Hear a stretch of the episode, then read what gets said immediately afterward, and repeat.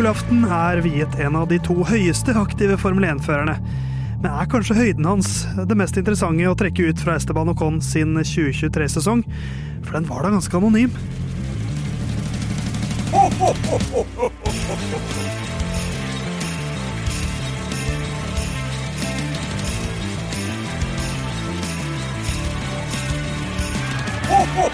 Det er lille julaften. En eh, på mange måter koseligere dag enn julaften, på mange måter ikke koseligere dag enn julaften. Litt avhengig av hvor god man er til å planlegge, også avhengig av hvor man feirer jul og hvordan jula er bygget opp. I år er det en lørdag, så da blir det litt mer avslappende dag.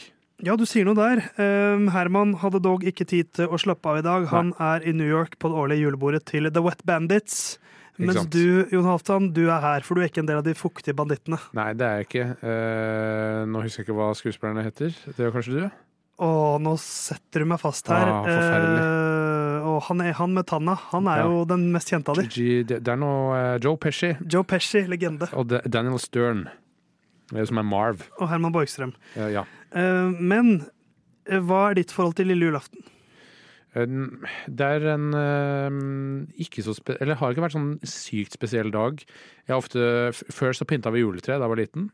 Nå pynta, pynter jeg det tidligere i desember hvis jeg kan. Hvor er du akkurat nå, Eh, når denne episoden er sluppet ut? eh, 23. desember. eh, Oslo. Oslo? ja. Spør hvor jeg er. Eh, hvor er du, Theis? På vei fra Porsgrunn til Hovden. OK. Ja, hei sann. Uh, men i dag skal det handle om Esteban Ocon, uh, som er vår lille julaftenmann. Ja. Herman Borgstrøm, hva føler du rundt din eh, favorittgutt Esteban?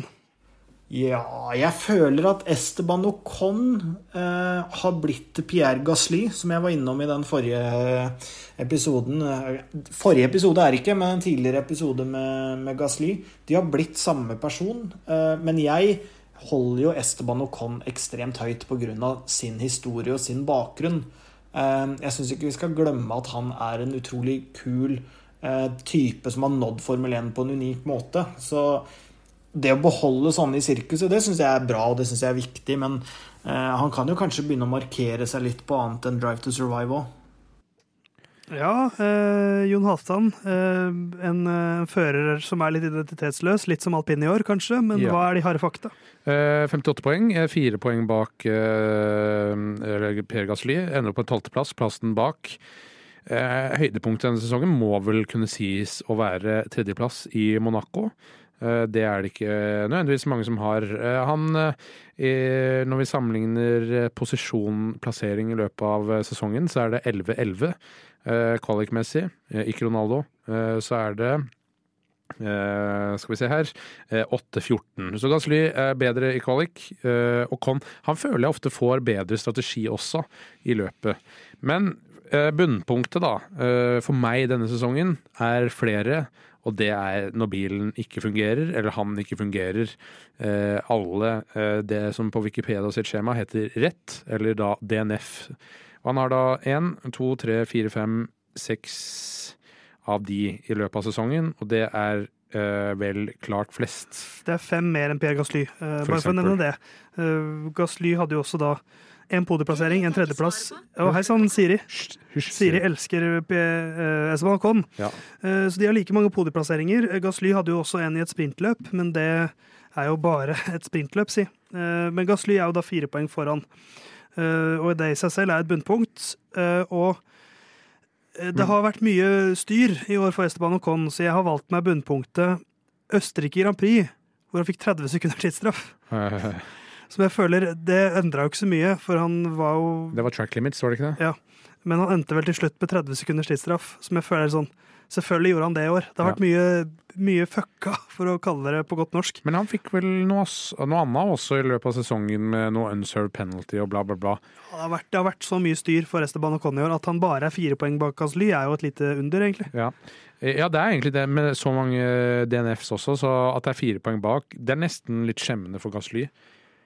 Ja, det tror jeg, det, det syns jeg absolutt det er. Og de har jo på en måte nesten bare hverandre å kjempe mot eh, i år, fordi at de, de er ikke så langt bak Lance Stroll på poeng, men eh, de er langt foran Albon, som er nestemann bak dem. Eh, og det er jo litt sånn som alpin, at de har vært litt i ingenmannsland i år. Så det har Mm. vært hverandre de har funnet å kjempe mot, ofte. Ja.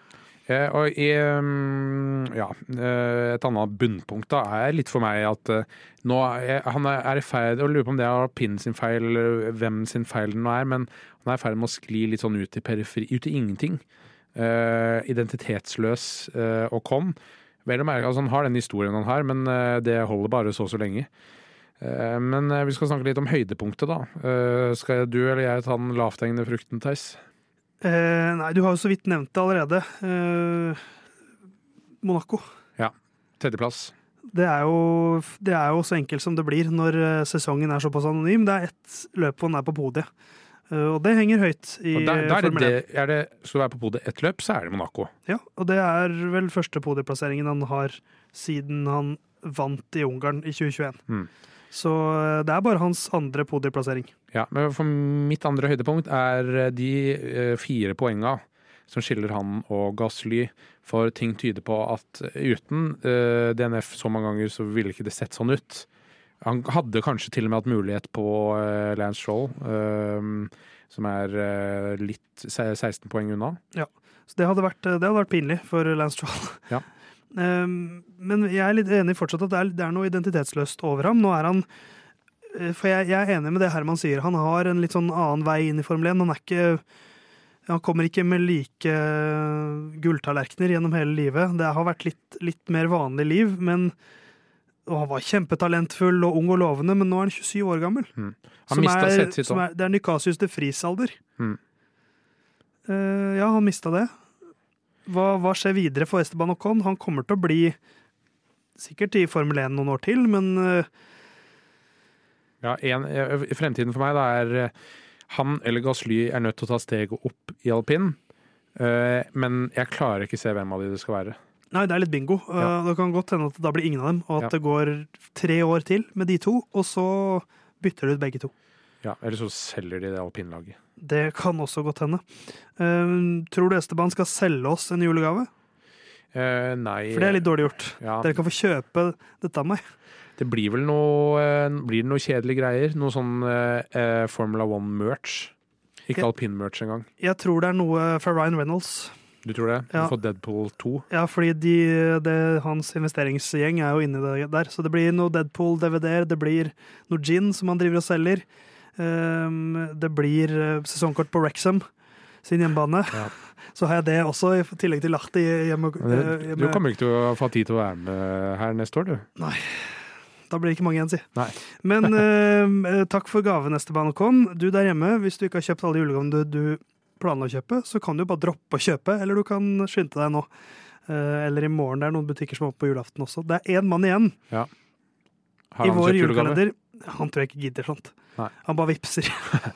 uh, Lyden av Curbs er tilbake i morgen. Da åpner vi vår siste luke. Og hvis du går nøye gjennom alle episodene så langt, så vet du hvem det er.